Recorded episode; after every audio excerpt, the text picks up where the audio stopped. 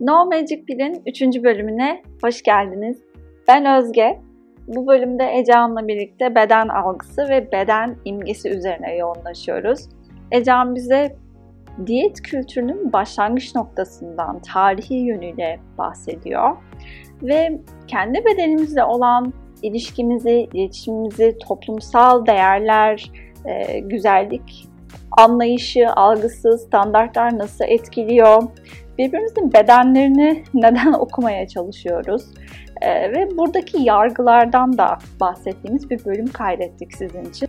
Bu bölümde konuştuklarımız bize de yeni fikirler e, ve yeni bakış açıları kazandırdı diyebilirim kesinlikle. E, ve bu konu üzerine de konuşmaya devam edeceğiz. Bunu bir intro olarak düşünebilirsiniz. Ayrıca bu bölümümüzü videolu olarak da YouTube'dan izleyebilirsiniz. Linkleri muhtemelen açıklama kısmında olacaktır. Keyifli dinlemeler diliyoruz. Görüşmek üzere. Evet. Sahneye davet ediyorum seni. Özge seni sahneye davet ediyorum. Buyurun. Sahne sizin. Mikrofonu tutuyorum. Karehimi No Magic Pill'in üç buçukuncu bölümüne kaldırıyorum. Çünkü üçüncü bölümü ikiye bölmüştük. evet. Üç buçukuncu bölümümüze. Yani ikinci bölümü ikiye bölmüştük. Dolayısıyla bu üç buçukuncu bölüm oluyor galiba değil mi? Evet. Okay. Hoş geldiniz. kaldırıyoruz. Hoş geldiniz. Hoş geldiniz. Ee, no Magic Pill'de bu hafta bedenle ilgili konuşacağız. Beden, bedenleşme, beden algısı, beden imgesi, bunlarla alakalı yaşadığımız problemler, diyet kültürü gibi gibi yerlere giriyor olacağız bugün. Ah, ben bugün bedenimle alakalı çok muhteşem hissettiğim bir yerde değilim. Dolayısıyla bunu konuşmak için güzel güzel bir gün gibi geldi. Bana ne dersin? Sen neredesin Özge bugün? Bugün ben daha iyi hissediyorum birkaç haftaya nazaran. O yüzden hazır hissediyorum kendimi. Dediğim gibi kayıt başlamadan önce de O zaman sen bir giriş yap. Ben bir giriş yapayım. Hı hı. Şimdi ilk başta bir çerçeve oluşturmak iyi olur diye düşündüm. Beden algısı dediğimizde tam olarak neden bahsediyoruz? Ya da beden imajı dediğimizde tam olarak neden bahsediyoruz? Onları bir netleştirmek iyi olur diye düşündüm. Beden algımız bedenimizle ilgili düşüncelerimiz ve duygularımızla ilgili bir konsept mi diyelim? Konsept diyebiliriz bence. Evet. Ee, ve beden algımız olumlu ve olumsuz deneyimlerden oluşabilir, dönem dönem değişebilir. Ee, bedenimizle ilgili yaş aldıkça ya da işte farklı deneyimler yaşadıkça hamilelik olabilir, hastalık hı hı. olabilir. Bunların hepsi beden algımızı etkileyen şeyler olabilir. Dolayısıyla bu böyle e, sürekli aynı kalmıyor. Bir değişkenlik söz konusu. Beden algımız değişebiliyor hayatımız boyunca. Ve bu tabii ki içsel ve çevresel faktörlerden etkileniyor. İçsel faktörler ne olabiliyor? İşte bedeninizle ilgili belki kendinizden beklentiler olabilir. İdeal bir beden e, imajı tutuyor olabiliriz zihnimizde ve ona e, yaklaşmadığımızda kendimizi kötü hissedebiliriz. Mesela çevresel faktörler medyanın etkisi olabilir. Yakınlarımızın etkisi, işte ailemizin yaptığı yorumlar, e, yakınlarımızın, arkadaşlarımızın yorumları olabilir. Çevresel faktör olarak beden algımızı etkileyebilir. Bir de e, okuduğum bir makaleden aldığım bilgiyi de paylaşmak istiyorum. Haber spikerim adına geçti. Haber spikeri modu. Şimdi Eskişehir'den bildiriyorum. Beden algısı. Makaleden bildiriyorum. Evet bildir bekliyoruz. Google Meet'ten bildiriyorum. bedenimizi ben mesela notlarda şöyle yaptım. Bedenimizi bir e, yuvarlak içerisine aldım. Bedenimizi yazdım. Ve aslında bu bedenimizin görüntüsü işte oradan bir çubuk. Hı hı. Düşüncelerimiz, duygularımız e, ve tüm bunlarla birlikte nasıl davranışlarda bulunuyoruz? bir şeyleri kontrol mü etmeye çalışıyoruz bedenimize dair? Hmm. Ee, yoksa başka davranışlarda mı bulunuyoruz? Böyle aslında dört tane de bileşeni var diyebiliriz beden algısının. Tekrarlarsam düşünceler, e, duygular, e, Davranışlar. aynen davranışlar ve bedenimizin nasıl göründüğüyle ilgili algımız, Hmm. algılar. Okey. 3D bir A. Kendi kafamın Evet. içerisinde bir şey çıkartıyorum. Diyagram çıkartıyorum. Evet. Okey. Bunu duymak iyi geldi çünkü bana. Yani çünkü bedeni eee, bu bağlamda bu kadar derinlemesine şey beden algısının bunlara bağlı olduğunu o kadar çok düşünmemiştim. Yani kafamın içerisinde böyle oturmamıştı şimdi sen bahsedince. Evet yani birçok şey bedenimizle olan ilgili bedenimizle ilgili olan algıyı değiştiriyor. Değil mi? Yani şey yapabiliyor. Zaman zaman değiştirebiliyor ve oluştur oluşturuyor aslında gibi geldi. Evet, dönem dönem farklı e, görebiliyoruz bedenimizi. Yani dışarıdan bir göz gibi görmeye de meyilliyiz ya. Dışarısı Hı hı. bizim bedenimizi nasıl görüyor bir de. Benim Hı hı. kendi bedenimi nasıl gördüğümün yanı sıra bilmem kim tarafından benim bedenim kabul edilir bir beden mi? Kabul edilebilir, sağlıklı ya da işte nasıl, nasıl bir sıfat koymak istiyorsan bedenine ilgili. Hı hı. Ee, onay almaya mı çalışıyoruz sence? Bu iki yerden gelen onay bence bizim için bu aralar çok önemliymiş gibi geliyor bana. Yani işte e, özellikle arkadaşlarımdan ya da e, nasıl söyleyeyim bunu arkadaşlarımdan demeyeceğim. İçinde bulunduğum sosyal çevreden gelen onay bir. Yani bu sosyal medyadaki görüntünü onaylamak olabilir. Günlük hayattaki giyimini ya da bedenini tipini onaylamak ya da onaylamamak olabilir. Bir de sağlık e, çevresinden gelen onaylama sanki çok kritikmiş gibi geliyor. Çünkü bedenle hep bunların üstünden konuşuyormuşuz gibi geliyor. Bedenim sağlıklı mı? Ee, ve sanki bu sağlık da bedenimin görüntüsüyle eş bir şey. Yani sanki tipime bakarak senin sağ, benim sağlıklı olup olmadığımı anlayabilirmişsin gibi bir şeyden çok bahsediyoruz. O bağlamda konuşuyoruz gibi geliyor. Bir de hani çekicilik bağlamında çok konuşuyoruz gibi geliyor. Özellikle kadın bedenine. Tabii ki erkek bedenine de konuşuyoruz ama daha çok yoğunlukla yani bence %90 falan kadın bedenini konuşuyoruz herhalde. Erkek bedenini konuştuğumuz çok daha azdır diye düşünüyorum. Çekicilik bağlamında özellikle. Erkek bedenini belki birazcık daha çok sağlık bağlamında konuştuğumuzu düşünüyorum. Hani kiloluysan işte atıyorum bilmem ne hastalıklara daha çok yatkınsındır gibi erkeklerin bedenin üstünden daha çok o şekilde konuşuluyor. Ya da bedenini görsel olarak değiştirme e, motivasyonu sanki oradan alıyor erkeklerin çoğunluğu gibi görüyorum ben. Aa okey tamam benim işte göbeğim var kalp hastası olurum belki. O zaman işte cime gideyim, zayıflayayım falan gibi bir yere gidebiliyor ve her zaman %90 zamanla sanırım zayıflamak ya da şişmanlamak üstüne bedenimizde e, ilgileniyoruz ki bu da enteresan yani ölçülebilir, ölçülebilir ve görüntülenebilir bir şey üstünden sürekli ilgilenmeye çalışıyoruz ama sağlık ya da çekicilik anlamında bir şey ifade ettiğini de çok düşünmüyorum aslında. Etmiyor zaten aslında araştırmalarda bu yönde bildiğin Hmm. Üzere her bedende sağlık diye bir hareket vardı. Sen Hı de hı, biliyorsundur. Belki burada şeyden konuşmak da faydalı olabilir. Orada diyet kültürü bizi nasıl bu varsayımlara çekiyor. Ee, kilolu beden sağlıksızdır ya da zayıf beden sağlıklıdır gibi e, formülasyonlar geliştirip neden kendimizi bir diyet sarmalında bulabiliyoruz? Ee, ve bu bir taraftan da kocaman bir endüstri e, bu yönde de bize pazarlanıyor e, bu fikirler. Burası zaten arkadaşlar burası balığın kokmaya başladığı yer. Ee, bu konuda konuşmayı da çok severim. Zaten bugün şimdi Özge'yle de konuşuyorduk tam kayıt almaya başlamadan evvel. Böyle beden görüntüsüyle alakalı yorumlar almışlığım var gün içerisinde. Tam da diyet kültürünün beslediği bir yerden gelen yorumlardan bahsediyorum. Birinci olarak belki şundan konuşabiliriz. Diyet kültürü dediğimiz şey ne? Ee, çünkü diyet kültürü denince akla şu geliyor sadece. Yani işte bilmem ne diyetini yapan e, insanlar gibi bir şey geliyor galiba. E, işte atıyorum ne bileyim ben Karatay diyeti, işte Atkins diyeti, ne bileyim ben patates diyeti neyse yani ne, ne yapıyorsan bir sürü şey böyle tek besin diyetleri falan da var ya. Evet diyet kültürü bunları da kapsayan bir şey ama diyet kültürü sadece o an yapılan bir beslenme biçimiyle alakalı değil.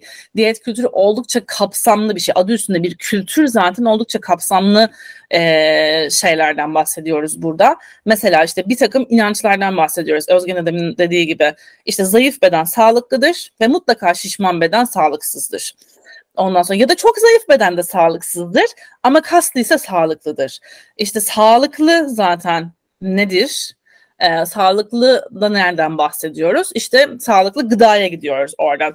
Hmm, yeşil elma sağlıklıdır, cips sağlıksızdır. Kalorili gıdalar sağlıksızdır ama nedense Allah'ın bir hikmeti olarak kaloriye ihtiyacımız vardır yoksa ölürüz işte şu proteini yiyin bu proteini yemeyin. Böyle bütün aslında beslenmeyle alakalı medyada duymuş olduğumuz şeyleri neredeyse kapsayan bir şey diyet kültürü. Aynı şekilde bedenin görüntüsüyle alakalı e, şey de kapsıyor wellness kültürünü de kapsıyor. Yani işte şu egzersizi yapman lazım, bu egzersizi şu kadar yapman lazım. O egzersizi yaptığında mutlaka zaten yağ kaybetmen ve kas kazanman lazım. Egzersizin zaten amacı tamamen sanki buna yönelikmiş gibi. Ama bunların hepsi diyet kültürü dediğimiz şey aslında kompakt olarak kocaman bir kapitalizm yalanı topağı aslında. Bunun tek sebebi insanlara bir takım güzellik malzemelerinin e, çekicileştirme malzemelerinin satılmasını amaçlıyor. Zaten bazını aldığı yerde orası. Bunu da şey için e, araştırmıştım. Özge ile beraber bir e, booklet hazırlıyoruz, bir kitapçık hazırlıyoruz bedenle alakalı. E, uzun sürede hazırlayacakmışız gibi görünüyor çünkü beden konusu çok kapsamlı. Onunla alakalı bir e, araştırma yapmıştım ben işte tarihçesi ne yani bu diyet kültürü nereden çıkmış, ne zaman başlamış? Aslında diyet kültürünü şuradan başlatabiliriz. Güzellik salonu, güzelleştirme, estetik kültüründen bazını alıyor bence diyet kültürü benim anladığım kadarıyla ve Birinci Dünya Savaşı ile İkinci Dünya Savaşı arasındaki bir e, tarihte ve tahmin edebileceğiniz ve şaşırmayacağınız üzere Fransa'dan daha çok çıkmış bir kavram. E, ki Fransızları böyle şey değil mi ultimate böyle hani estetik harikası olarak görüyoruz hala. Çünkü aslında bu güzellik, estetik bilmem ne kavramı özellikle kadın güzelliği arttırılması kavramı biraz öyle bir yerden çıkıyor. Aslında sanayi devriminden de bazını alıyor. Kadınlar daha çok çalışma hayatına girdiğinde daha farklı görünmeye başlıyorlar ve daha farklı özellikleri önemsenmeye başlıyor. Kadın bedeni üstünden tabii ki başlıyor. Yani erkek bedeni üstünden başladığını tahmin etmiyorsunuzdur diye düşünüyorum zaten böyle bir şeyin. Çünkü tarihte kadın bedeni ne zaman e, Hop pardon. Yine sandalyemi kaydırdım. Ee, tarihte kadın bedeni ne zaman e, eleştirilmemiş ki? İşte e, cinselliği açısından eleştirilmiş ilk çağlardan itibaren ve cinselliğinin bir görüntüsü e, olarak aslında görünüşü açısından da her zaman eleştirilmiş, hiç beğenilmemiş, bazı şeyler kabul edilir görülmüş, muhafazakar olan şeyler, muhafazakar olmadığını düşündükleri şeyler kültürle değişmekle birlikte her zaman aa tükaka bir şey olarak görülmüş ama işte bu sanayi devrimi ve kadının e, rolünün değişmesiyle beraber daha eril bedenler teşvik edilmeye başlıyor. Bu böyle birazcık da feminizmin başladığı bir nokta olarak görülebilir ve gayet zaman için anlaşılabilir bir şey. Şunu söylüyorlar, kadın evde durup çocuk doğurmak için yaratılmış bir şey değil. Ee, biz de çalışabiliriz, biz de para kazanabiliriz, biz de kendi hayatımızı kurgulayabiliriz gibi bir yerden bazını alıyor. Baktığı zaman oldukça iyi niyetli. Ama tabii ki orada da bir sömürü kaynaklanmaya başlıyor ve hani ne oluyor? Daha eril görünen bedenler, daha böyle düz göğüslü, düz kalçalı bedenler hemen teşvik edilmeye başlıyor ve bunun teşvikiyle beraber aslında böyle bir propaganda başlıyor. Okey, zayıflayın, daha modern görünün, kendi hayatınızın gücünü ele alın falan gibi bir yerden başlıyor aslında ve bu dönemde şeyi araştırmıştım, araştırırken okumuştum. E, şeyde vardı sanırım vesairede ya da Dadanizm'de iki e, platformdan bir tanesinde selülitin çıkışıyla alakalı yer de mesela buraya dayanıyor. Selülitin ne kadar kötü bir şey. Yani selülit kelimesi çıkıyor aslında buradan. Daha öncesinde hayatımızda selülit diye bir kavram yok. Yani bedenimizde yok mu? Mevcut. Ama selülit kavramı tam da diyet kültürünün oluşmaya başladığı yeri temsil ediyor bence. İşte dediğim gibi o Birinci Dünya Savaşı ile İkinci Dünya Savaşı arasında Paris'te işte Fransa'da güzel olun ve işte hayatınızın gücünü ele alın, cinsel gücünüzü ele alın. Siz bir kadın olarak var olacaksınız pompasıyla beraber bir taraftan da bu iteklenmeye başlıyor. Hmm, ama selülitiniz varsa o kadar güzel değilsiniz. Bakın selülit var bazı kadınlar ve sizde olmamalı falan diyorlar böyle. Ve e, selülit yıllardır, yüzyıllardır, bin yıllardır vücudumuzda var olan yağ partikülleri selülit olarak isimlendirilip e, asla bizde var olmaması gerekenler kategorisine yerleştiriliyor ve ondan sonra zaten bence böyle şey gibi düşünüyorum ben. Bir virüs ya da böyle bir kanser gibi içten bu diyet kültürü insanların içini yemeye başlıyor ve işte aa öyle olmamalıyım. Böyle olursam şöyle görünürüm gibi bir şey burada daha incelikle bağdaştırılıyor bu noktadan sonra ve ince olmak iyi ve modern görünürken e, kıvrımlı olmak daha domestik, daha e, modernite öncesi zamandan kalmış, daha geleneksel ve çok da aşırı istenmeyen, beğenilmeyen ve teşvik edilmeyen bir şey haline gelmeye başlıyor ve burada böyle iki tane bedeni sanırım birbirinden ayırıyoruz. O yüzden iki ucumuz var gibi gözüküyor. Şişman insanlar ince insanlar. Tabii ki bu ince insanlar grubunun içerisinde de bir noktada şöyle bir şey oluyor. Aa bunlar da çocuk gibi, bunlar da çok iyi değil.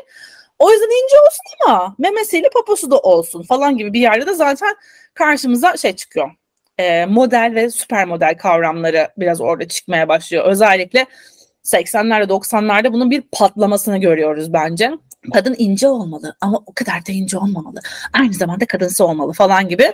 Zaten bu noktada da böyle artık kadın dergilerinde şeyleri çok fazla görmeye başlıyoruz galiba ve onlar bizim hayatında çok fazla etki etmeye başlıyor nasıl olmalıyım, nasıl görünmeliyim, böyle görünürsem kabul edilir miyim, edilmez miyim, bu mu iyidir, bu mu kötüdür gibi bir yer. Tam da böyle 90'lar, 2000'lerde pompalanırken şimdi de sosyal medyada bunu herhalde böyle artık bam diye pik yaptığı yeri e, görüyoruz ve diyet kültürü hayatlarımızın içinde tam ortasında böyle şak diye yerleşmiş şekilde duruyor galiba şu an gibi geliyor bana. Yani hani sen diyet yapmak iste isteme.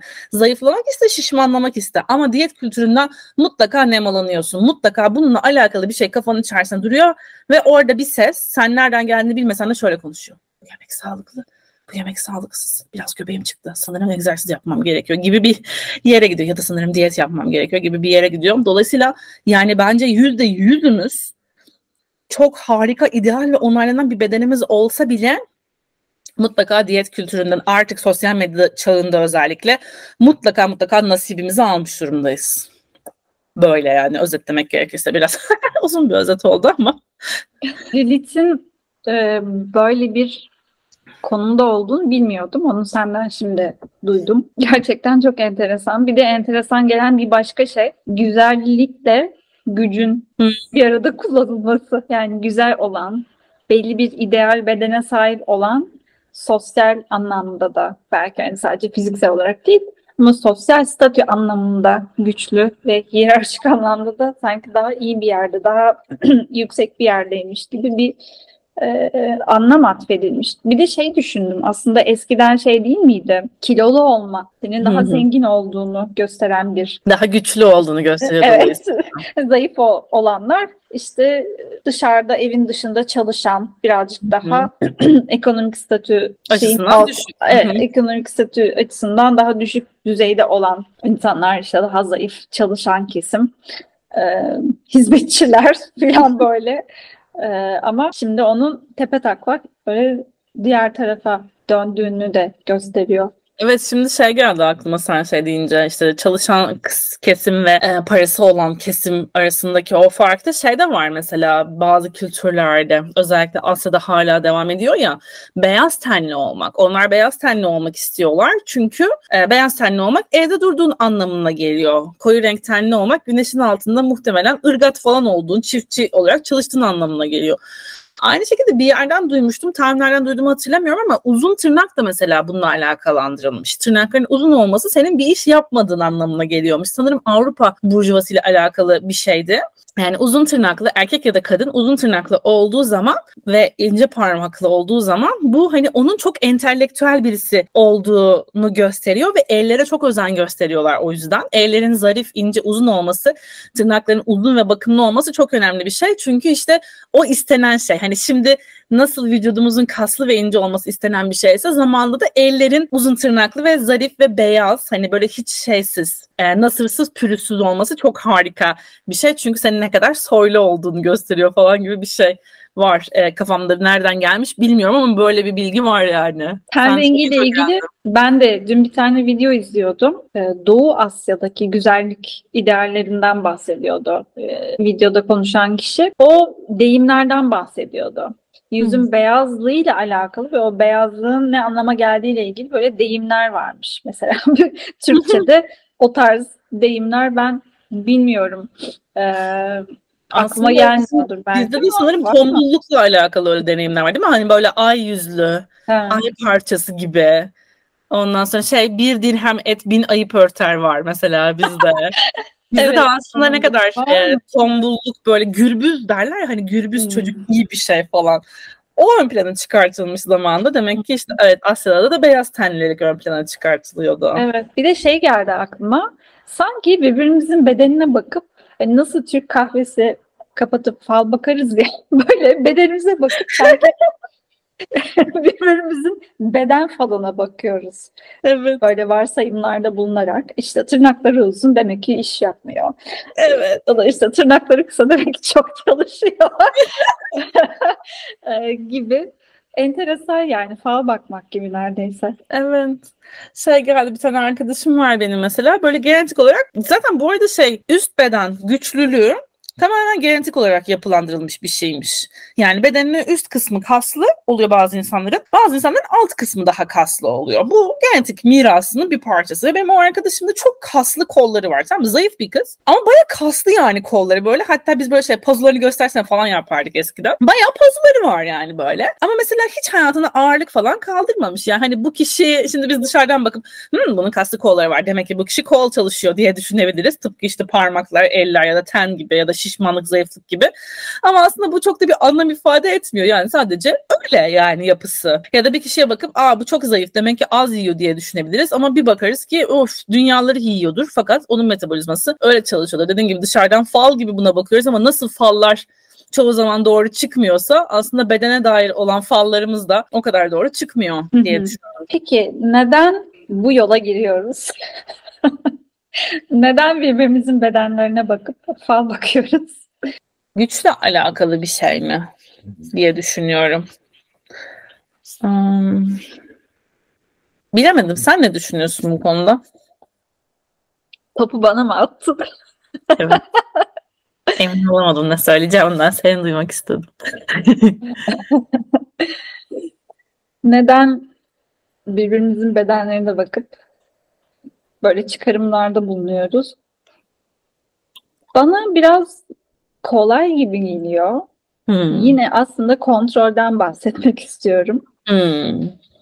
Senin bedenini çok kolay bir şekilde kontrol edebileceğini düşündüğümüzden belki ya da bunun yine diyet kültürüyle, wellness kültürüyle, medyanın e, beslemesiyle yapıyoruz gibi geliyor bana. Şimdi sen onu söyleyince şey geldi bak benim aklıma kontrol etmek deyince e, ilk bölümde şey konuşmuştuk ya hani mindfulness'la duygularını kontrol et çok pompalanıyor diye. E, şimdi şey diyet kültürüyle de şey çok pompalanıyor kilonu kontrol et. Yani sanki e, o bana önemli geldi onu söylemek ihtiyacı duydum burada. Yani sanki kilo beden ağırlığı diyeceğim buna. Sanki çok kontrol etmek tamamıyla bizim elimizde olan bir şeymiş gibi e, lanse ediliyor. Ama nasıl e, duyguları tamamıyla kontrol etmek bizim elimizde var olan bir şey güç değil. Elbette ki üstünde bir parça kontrole sahibiz ve elbette ki bir parça kontrol etmek zaman zaman işimize yarayabilir mesela duygularımızı. Ee, kilomuzda da belki öyle hani bir şey oldu e, ve çok yemek yemiyoruz ve kilomuz çok düştü. Evet burada belki yemek yemek bizim elimizde olan bir şey olabilir ya da tam tersi. Beden ağırlığımız mesela diyoruz ya benim ideal kilom 55 ila 62 arasında falan. Öyle bir zaten o kadar niş bir aralık içerisinde beden aralığımızı biz zihnimizle kontrol edebilecek kadar hüküm sahibi değiliz bedenimizin üstünde. Yani beden zaten kendisi e, sezgisel yeme denilen bir ekol var. Burada ondan bahsedelim diyet kültürünün antisi olarak. Yani bedenimizin neyi ne kadar yemeye ihtiyacı olduğunu kendi kendisinin bildiğini savunan bir teori bu. 1990'lı yıllarda iki diyetisyen tarafından ortaya atılıyor. Ee, üstüne çok fazla araştırma yapılıyor o zamandan beri. Şimdi hatırlamıyorum ama birkaç ay kaçtı ya 4000'e yakın araştırmada adı geçen bir ekol. Ee, oldukça hani şey popüler ve e, işler bir e, teori diyelim. E, sezgisel beslenme şunu söylüyor aslında. Bedenimizin belli bir set point aralığı var. Yani sen bir şeyler yediğinde ve belli bir miktarda hareket ettiğinde ve bu senin nötr halin olduğunda yani günlük hayatta zaten bunu hali hazırda yapıyor olduğunda bedenin belli bir aralık içerisinde duruyor. Ama tabii ki işte hamilelik, ne bileyim e, metabolik hormonal sorunlar, stres, bir sürü bir sürü yaşantısal olaylar seni bu aralığın altına ya da üstüne bir yere götürebilir. Ama sen kendi normalini tekrar yakaladığında, günlük rutinine döndüğünde bedenin o set point'in içerisine yerleşecektir. Ve bu yaklaşık 10 kiloluk bir aralıktan bahsediyorum. Şimdi insanlar kilo almak, vermek dediğinde çoğunlukla böyle ay bir, bir 3 kilo fazlam var falan diyorlar. 3 kilo hiçbir şey değil beden için aslında. İşte böyle şey e, şey yaparlardı. Metafor yaparlardı bana. Ama bak 3 kilo patatesi al taşı bakalım. Ha kolay mı? Bak bu 3 kiloluk ağırlık işte benim karnımda falan. Öyle bir şey değil beden zaten. 3 kilo bir yerde durmuyor arkadaşlar. Öyle bir şey yok. O böyle orada yayılıyor. Bir sürü vücut sıvılarının içerisinde falan biriktiği için beden zaten onu tolere edebilecek kadar güçlü bir varlık. Ve set point teorisini işte tekrar dönersek beden belli bir aralık içerisinde salınıyor. Bizim bu aralık içerisinde çok fazla bir hükmümüz yok zaten. Yani o aralığın dışına çıkacaksa çıkıyor yaşantısal bir olaydan dolayı. Girecekse giriyor. Elbette ki bedenin üstüne bir tahakküm kurabiliyoruz ama bu tahakküm yaklaşık olarak 2-3 sene içerisinde diyor ki ben bunu istemiyorum diyor beden ve onu atıyor bizim zihinsel kurduğumuz tahakkümü ve kendi set point aralığı neyse oraya dönüyor. Çok fazla üstüne tahakküm kurmaya kalkarsak beden isyan çıkartıyor ve bu sefer tamamıyla farklı bir yere gidiyor. Diyor ki hayır sen beni besinsiz bıraktın o zaman ben yağ depolayacağım ölmeyeyim, ölmeyeyim diye. O zaman diyor ki ben kilo alacağım ve çoğunlukla kilo veriyorsak başladığımız yerin çok daha üstünde bir yerde bitiriyor oluyoruz. Yani beden aç bırakılma fikrinden hiç hoşlanmıyor. Kalori kısıtlaması fikrinden hiç hoşlanmıyor. Yani tabii ki herhangi bir beden neden hoşlanıyor? Güvenli bir yerde olmaktan hoşlanıyor. Yani bunu kilo açısından değil her açıdan düşünebilir. Sinir sistemimiz güvenli bir yerde olduğu zaman optimum işlev gösteriyor. Kontrol deyince aklıma gelen şeylerden bir tanesi de bu oldu. Bedenimizin üstünde çok fazla kontrol sahibi olduğumuza inandırıldık. Ama öyle bir kontrol sahibi yani zihin bedenin üstünde böyle bir kontrole sahip değil.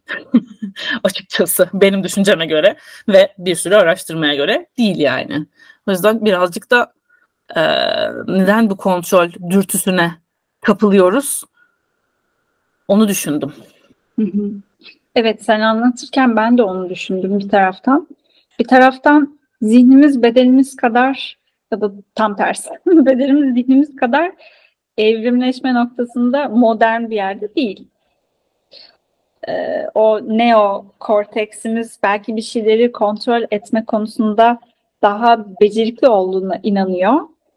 Ama alttan gelen o limbik sistem ve e, o hayvani, o içgüdüsel tarafımız hala eskisinde nasılsa o şekilde işlevini sürdürüyor. Dolayısıyla bedenimizin de zihnimizin de aynı e, sayfada olmadığını burada söylemek de önemli Hı. o anlamda. Ee, ve belki hani zihinde yaşamak, bedende yaşamak ya da bedene yerleşme konusuna da birazcık dokunuyor. Oraya da belki daha detaylı bakarız. Hı hı. Ama bedenleşme konusundan önce aidiyet geldi. Evet bir gruba ait olma ihtiyacını çağrıştırıyor benim zihnimde. Hı hı. Bu işte vejetaryenlerin grubu olabilir, veganların grubu, ince bedenlerin grubu. Evet ben de onu düşünüyordum. Yine orada statü de devreye giriyor. Sosyal statü kazandıran bir şey gibi sanki bedenimizde yaptığımız o kontrol, ufak ayarlama çabaları. hiç bu bağlamda düşünmemiştim aslında. Evet, çok da mantıklı şimdi düşününce. Bedeninde bir şey bedeninde bir şey yaptığın zaman belli bir gruba ait olduğunu da aslında kanıtlamış oluyorsun değil mi? Mesela saçımı şöyle yaptıysam işte tiki kızlar grubu, böyle yaptıysam gotik kişiler grubu değil mi? Eskiden bu çok daha fazla vardı diye düşünüyorum. İşte rakçılar böyle giyinir, bilmem neciler şöyle işte takı takar. Ee, hatta şey bıy- eskiden daha öncesinde hani bıyık tarzları adamların değil mi? İşte e, ülkücüler böyle bıyık bırakır, işte solcular şöyle bıyık bırakır, dindarlar böyle bıyık bırakır falan gibi. Aslında çok eski zamandan beri üniformalara da götürebiliriz daha da eskiye. E, ve da işte günlük değil mi şapka mesela böyle şapka takanlar işte şu sınıfa üye böyle şapka takanlar bu sınıfa üye. Evet her zaman görünüşümüz bir sosyal statüyü belki de ifade ediyor ve yine burada e, aidiyetten de tekrar bir, bir güce de dönüş yapıyor benim kafamın içerisinde. Yani belli bir sosyal statüye ait olmak istiyorum. Çünkü o diğerlerinin üstünde bir e, rütbe gibi bir şey veriyor sanki bana. Bana da dolayısıyla bir güç sağlıyor. E, dün şey konuşmuştuk ya bu kaydı yapmadan önce. Dün konuşmuştuk değil mi? Cinsel güce sahip olması kadınların. Konuşmuş muyduk dün bunu? Dün de konuştuk. Şimdi biraz önce de başımızla konuştuk. evet. Dün daha derinlemesine benim kafamın içerisinde yer etmişti sanırım. Yani hani kadının belli bir şekilde görünmesi erkeğin üzerinde bir cinsel güce sahip olmasını dolayısıyla kendi istediği sosyal statüde bir eşle eğlenebilmesini ve daha e, yüksek statüde bir hayat yaşayabilmesini sağladığı için belki de kadının e, görüntüsüne bu kadar çok takılınıyor şu anki durumda da. işte daha hani e, çekici olmak gene belki artık evliliğimizle alakalı bir şey değil ama hala bir güçle bağdaştırıldığı için e, belli bir görüntüde olmayı teşvik ediyor bize e, kültür, toplum. Ve biz de bu zokayı böyle diye yutuyoruz gibi geliyor bana hala yani. Evet bir de şu konu da bence önemli. Bir bu tarafı var senin anlattığın gibi. Bir de bir taraftan gerçekten görünüşüyle ilgili zorbalık yaşayan genç e, kızlar, erkekler var. Evet. Ve bir şekilde diyet kültürü bence onlara da satış yapıyor. Hı hı. Güzellik e, satışta yapılıyor. E, o da evet. önemli bir parçası. Evet evet ait olmak zaten herhalde e, özellikle ergenlikte en Hı-hı. çok ilgilendiğimiz şey değil mi? Bir gruba dahil olmak hani ergenlik süreçlerinden bir tanesi olarak sayılıyor ya. Hı-hı. Orada evet. da evet zorbalık görmemek için yani aslında günlük hayattan çok da farklı gibi gelmiyor yani bana. Hani zorbalık görmemek için illa bir sosyal gruba ait olmamız gerekiyor. İşte yetişkinlik hayatımızda da sanırım belli bir siyasal görüşe ait olmamız, dahil olmamız isteniyor. Ya da bir aile prototipine, stereotipine dahil olmamız gerekiyor ki sürekli olarak hani günlük yaşantımızla alakalı zorbalık görmeyelim. Evet ergenlikte bu daha tabii daha tender olduğumuz için böyle ergenlikte ne denir ona? Daha böyle yumuşak, kırılgan, incinebilir bir halde hassas olduğumuz için oradaki herhalde ait olmama hali çok daha rahatsız edici bir şey oluyor. Kesinlikle. Sürü zihniyeti vardır ya. Yani sen bir grubun içerisinde o kolektif güçle birlikte daha güçlüymüş gibi görünürsün ama tek başına kendi yolunda yine o bireyselleşmeye gitti benim kafam. İlk evet benim de. İlk yaptığımız bölümde, ilk aldığımız kayıtta da konuşmuştuk. Hı hı. Birazcık daha bireyselleşme ihtiyacından bahsetmiştin sen. Evet. O tarafa gittiğinde işte bu diyet kültürü, wellness kültürü bizim ne kadar bedenimizden koptuğumuz, bedenimizden uzaklaştığımız sadece görüntü üzerine bir diyalog geliştirdiğimiz bir noktaya sürüklüyor ya. Hı hı. Ve onun aslında ruhsal olarak, mental olarak sağlıksız bir yere e, getirdiğini sen konuşmaya başladığında o zaman biraz o sürüden ayrılmış oluyorsun. bir taraftan. e, o yüzden şu anda ne, ne popülerse yine ne ses getiriyorsa, ne para kazandırıyorsa, nerede insanlar kümelendiyse onlar daha çok konuşuluyor, daha çok ortaya çıkıyor. Daha çok reyting getiriyor belki. Evet. Televizyon programlarında da çünkü hep böyle reçeteler işte bilmem neyle sağlıklı yaşam, e, bilmem ne sebze suları, şunlar bunlar görüyorsunuzdur zaten. Burada hemen kafamın içi böyle şey yaptım. İlk bölüme çapa attı gerçekten böyle. Yani hep dönüp dolaşıp aynı şeyi konuşuyoruz. Evet yani bir gruba ait olmak için hep aynı şeyleri yaptığımızda orada belki kabul görüyoruz ve orada belki bir para dönüyor açıkçası. Orada bir statü dönüyor, orada bir güç dönüyor, orada bir kabullenilmişlik hali dönüyor ve orada aslında sahte bir güven hissi dönüyor. Dolayısıyla insanlar belki o yüzden bir gruba dahil olmayı bu kadar çok arzuluyorlar. Çünkü kendilerini güvende hissediyorlar. Hele ki bizimki gibi o kadar da güvenli hissetmediğimiz özellikle sosyal alanda güvende hissetmediğimiz bir coğrafya içerisinde belli bir güruhun içerisinde olmak bize bir tutulmuşluk hissini en derinde veriyor ve tam da senin dediğin gibi yani o kadar ilkel bir yerden geliyor ki biz aslında onu bilişsel olarak farkında olmadan yapıyoruz belki de. Ha okey tamam ben böyle görünürsem burada güvende olacağım. Birileri benim arkamı kollayacak ya da ben kendi arkamı kollayabileceğim. Birisi bana bir şey diyecek olduğunda mesela işte sen de atıyorum çirkinsin dese en azından şunu söyleyebiliyor olacağım. Ama vücudum iyi ve ben sağlıklıyım diyebiliyor olacağım. Belki içimden dışımdan olmasa bile.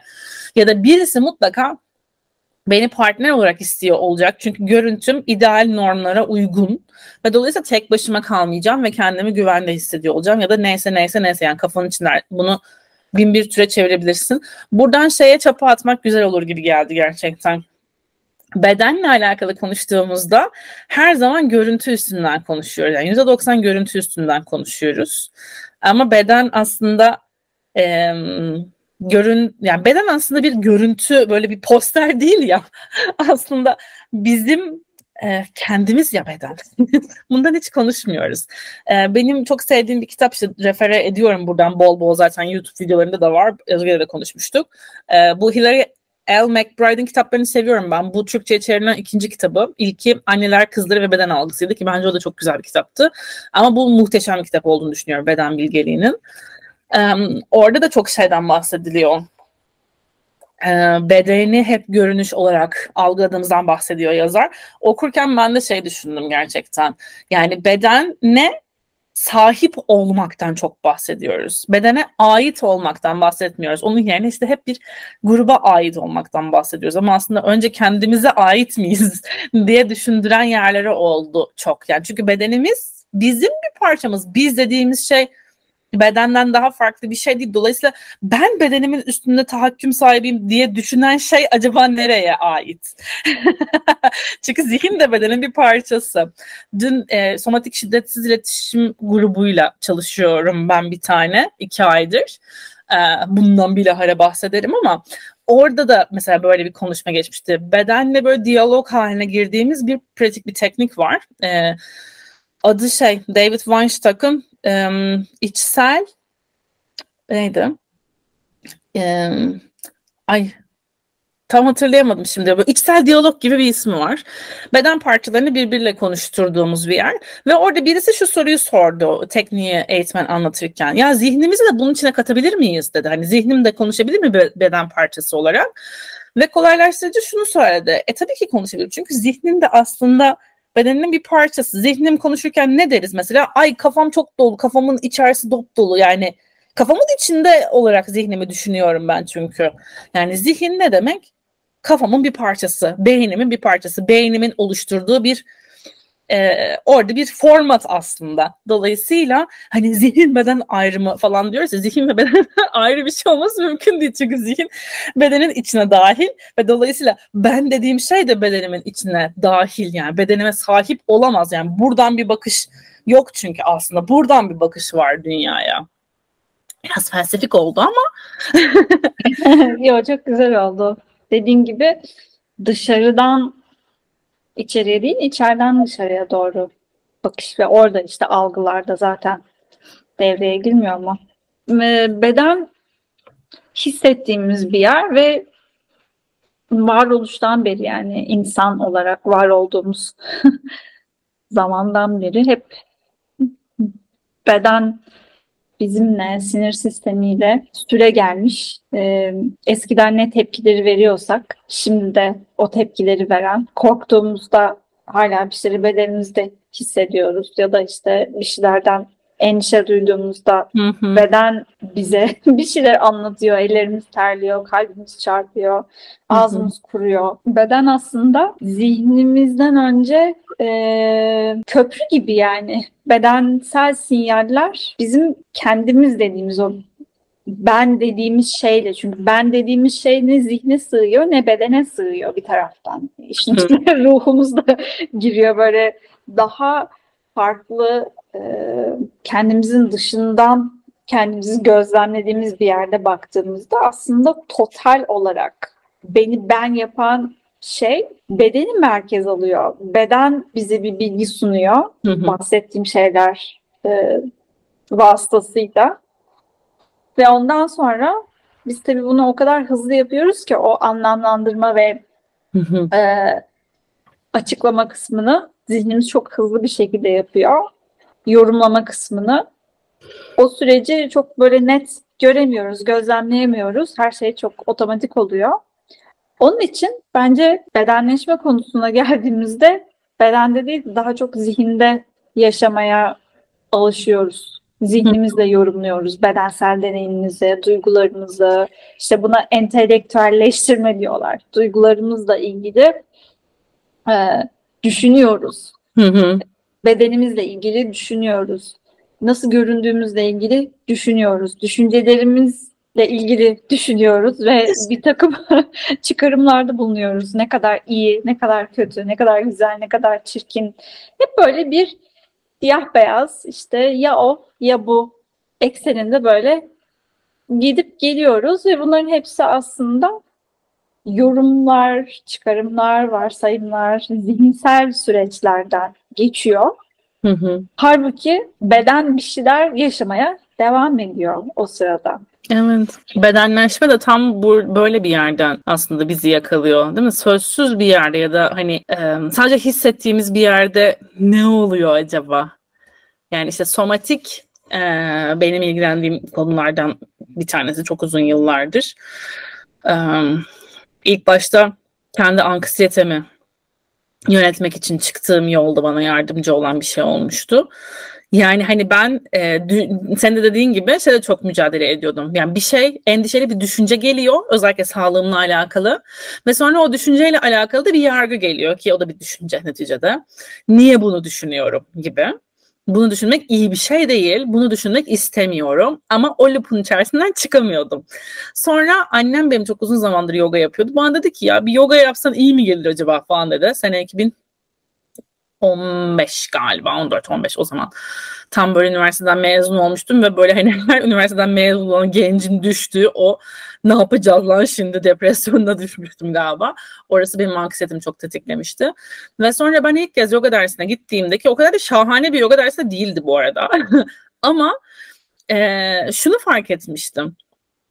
Aa, yani hani ben şundan çok kaygılanıyordum. Kalbim çok çarpıyordu, çok çarpıntım oluyordu ve e, sanki o hiçbir zaman durmayacakmış ve hep hızlanacakmış ve sonunda bir noktada kalbim patlayıp iflas falan edecekmiş gibi bir düşüncem vardı. Bir endişem vardı diyeyim. E, ve şunu fark ettim mesela o derste. Okey, hareket ettiğim zaman kalbimin hızı artıyor, artıyor, artıyor, artıyor. Dinlendiğim zaman azalıyor. Ve hani bu çok aşırı basit bir şeymiş gibi geliyor şu an söyleyince.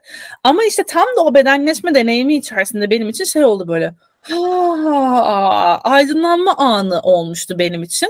Ve bunu bedenimde hissetmek bana mesela inanılmaz büyük bir e, mental güç verdi. Ve ben iki senede doğru düzgün kendi başıma çıkamazken dışarıya haftada üç gün yoga derslerine gidebilmeye başladım. Ve ondan sonrasında istemediğim bir ilişkiyi bitirdim. Daha farklı bir hayat yoluna doğru girmek için kendimi daha güçlü hissettim. Yani bir taraftan bedenleşme bu hızda olan bir şey. Ve hayatını da bu hızda değiştirebilen bir şey. Böyle olmak zorunda değil ama olduğu zaman olabiliyor. Ve bu bana mesela çok her zaman ilham veriyor insanları bu e, somatik çalışmalara, bedenlenme, bedenleşme çalışmalarına doğru itmek için böyle hani itmek değil de böyle nazikçe. Hadi buraya gidebilirsiniz. Burada bir hali için bana çok ilham veren bir şey oluyor. Çünkü tam da bedenlediğim bir deneyim aslında bu yani. Okey yani. Bir şeyi fark ettiğim zaman bedenimde o zaman zihindeki düşüncelerin yapısı değişmeye başlayabiliyor. Orada tekrar güç kelimesini kullanman dikkatimi çekti. Kendini güçlü hissetmen, bedende hissetmeye başladıktan sonra davranışlara nasıl yansıdığından bahsettin. Hı hı. Bana samimi, samimi ve sahici güç gibi geldi. Yani gerçek güç. Gücün de sanki farklı yansımalarından konuşuyoruz. Evet, evet. Gücün gösterişteki tarafı ve içimizde hissettiğimiz bana da şöyle bir ayrım geldi. Şey konuştuk ya bedene dışarıdan bakmak aslında görünen bedeni konuştuğumuz zaman dışarıdan bir bakış var ve o güç de dışarıdan bana doğru uygulanan bir güç halinde.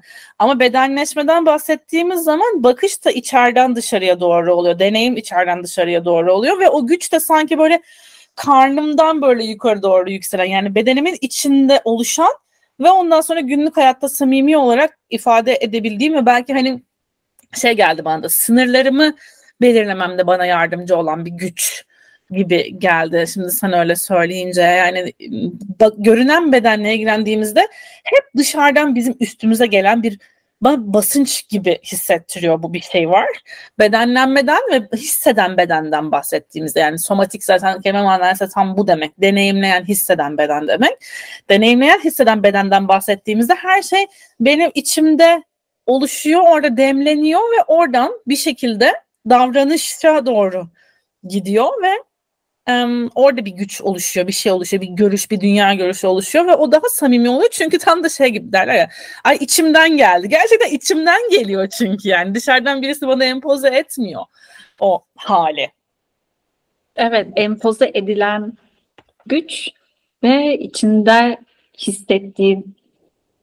Hani İngilizce'de strength ve power ikisi de güç anlamı taşıyor bir taraftan ama sende bıraktığı etkisi farklı o iki kelimenin. Yani ben bendeki etkisi evet. farklı. Başka şeyleri çağrıştırıyor. Power deyince sanki telefonun gücü gibi o şarj edilmiş olmak gibi ama strength daha uzun vadede senin kullandığın bir güç gibi geliyor bana. Böyle daha yayılan, daha bir maraton koşucusunun gücü gibi. Diğeri böyle sprint eden, hızlı e, ne denir onlara? O tarz koşuya maratonun tam tersi. Sprint. Sprint deniyor sanırım. Evet. Yani kısa mesafe koşusu işte. Aynen kısa mesafe koş, koşusunda e, böyle o atlayıcı bir evet. koşmak. Evet. Diğeri zaten hareketlerinde de şimdi sadece podcast'i dinleyenler bunu göremiyor tabii ki ama videomuzu izlerseniz görürsünüz. Ecan içeriden gelen o yükselen, demlenen güçten bahsederken daha yavaş hareketleri, el hareketleri daha yavaştı. Dışarıdan gelen baskıdan bahsettiğimde daha farklıydı. Bedensel olarak kendi ifade etme biçimin. Evet evet. Ben de o power ile strength'i ayırınca şey gibi geldi bana da sen söylediğinde. Sanki power daha böyle uygulanan güç gibi. Hani birisinin üstüne uygulamayı düşünmüyorum. Yani bir telefona da uyguladığım bir güç. Yani bir şey yapıyorum. Bir katalize edecek bir şey var. Şarj aletini takıyorum telefona. Ona bir güç uyguluyorum. Ona bir güç enjekte ediyorum gibi. Ama strength içeride geliştirdiğim böyle hani yavaş yavaş yükselttiğim gene bak mesela aynı beden dilini kullanıyorum. Yavaş yavaş aşağıdan böyle sanki karnımdan göğsüme böyle oradan yukarı boğazıma doğru böyle dalga dalga gelen bir şey gibi bende yansıması var mesela. Öbürünün dışarıdan bir şey zorla sokuşturulan bir yansıması var mesela Power'ın insan açısından düşündüğümüzde telefon açısından ve bilgisayar açısından Power faydalı kullanalım. Onların strength geliştirmesini beklememize gerek yok. kendi, kendi kendini şarj edebilme kabiliyeti geliştirmeseler de olur. ama bizim güzel olur arkadaşlar. faydalı, faydalı olur belki ileride o da olur ama bana inner strength geldi. Daha da o içsel güç bu sefer kendi kendini içeriden etkileyebilmek. Hı hı. Evet bana da inşa etmek kelimesi gelmişti. Hani böyle üst üste dedim ya şey gibi geliyor. Böyle Jenga oyunu vardır ya hani küçük böyle blokları üst üste koyarsın. Gerçi Jenga tam tersi çekip düşürüyorsun ama onu böyle hani bir yere koyarken böyle üst üste o blokları koyarsın ya hani bina yapar gibi o şeyi inşa edersin öyle küçük küçük bloklar sanki üst üste koyuluyor ve o böyle ince uzun bir şey haline geliyor o içeriden gelen güç. Bir de şey aklıma geldi. Tekrar kontrole gittim ben. Neden kontrol ediyoruz konusuna böyle kafam gitti. Orada senin anlattıkların hep bir süreçle ilgili. Ama nedense biz bir şeyleri belli bir screenshot alır gibi dondurmak üzerine müdahale etmeye çalışıyoruz. Hı hı. Mesela yaşlanma konusu geliyor. İşte genç kalalım. O bir imajı yine hı hı. görüntüde bir şeyi donduralım. 50 yaşına kadar sanki 30 yaşında, 35 yaşındaymışım gibi görünme çabası neden?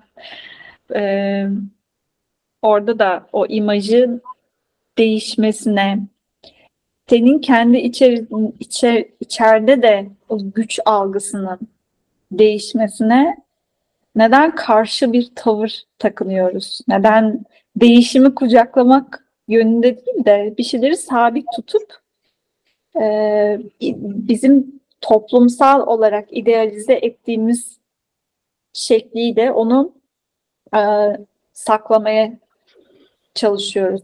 Ve hmm. bu çaba nereden geliyor? Yani bunu ben de sorguluyorum. ben bilmiyorum. ee, burada cevaplar bende de yok. Ve burada doğru yanlış cevap da yok ama sadece hani bir düşünce e, şeyi yaptığımız için, beyin fırtınası da yaptığımız için bu alanda bu soruları da sormak önemli diye düşündüm. Sen evet, süreçten ben... bahsederken. Bunları sorunca da benim aklıma hemen şey geldi. Bu beden imgesi esnekliğini konuşuyorduk ya yayından öncesinde. Tam da o esneklik halinin yani esneklik halinin tam aksi bir şey geldi değil mi? O yani bir fotoğrafımızı çekiyoruz kafamızın içerisinde sanki. Belli bir görüntüde, yaşta, kiloda, davranışta, mutluluk seviyesinde onu böyle donduruyoruz zamanın içerisinde ve sanki hep oraya geri gitmeye öykündüğümüz bir hal varmış gibi geliyor. Hani hem deneyimsel olarak, duygusal olarak, hem belki davranışsal olarak senin bahsettiğin gibi hem düşünsel olarak ve hani aslında şöyle de bir şey var farklı farklı zamanlardan belli parçaları alıp mesela işte 2004 yılında şu olmuştu çok mutlu olmuştum. İşte 2005 yılında şöyleydi işte düşüncelerim üstünde bir kontrol sahibiydim. İşte 2003 yılında görüntüm şöyle güzeldi.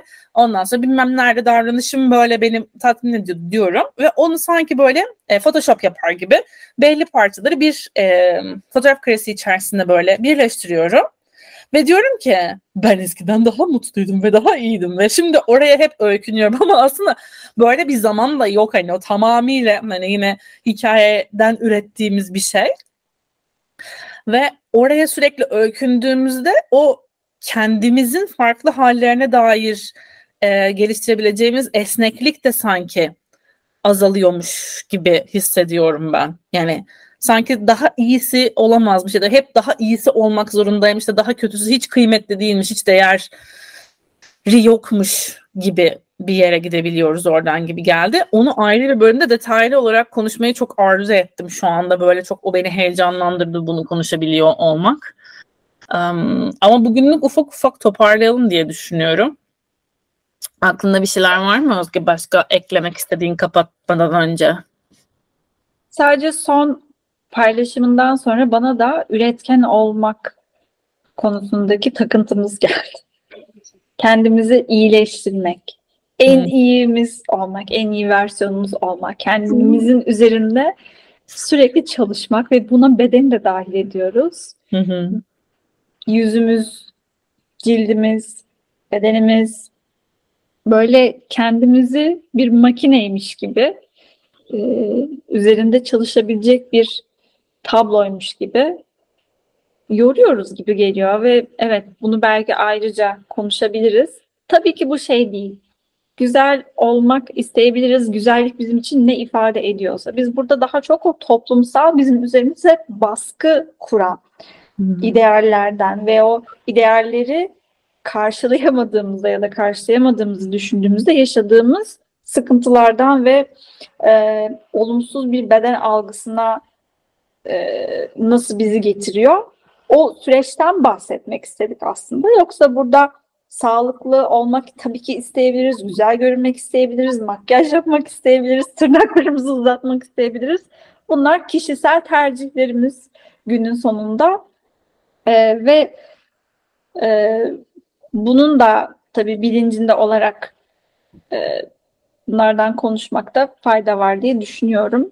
Biz daha çok bu toplumsal baskılara ve e, bizi zararlı çıkaran wellness kültürüne ve diyet kültürüne biraz ışık tutmak istedik.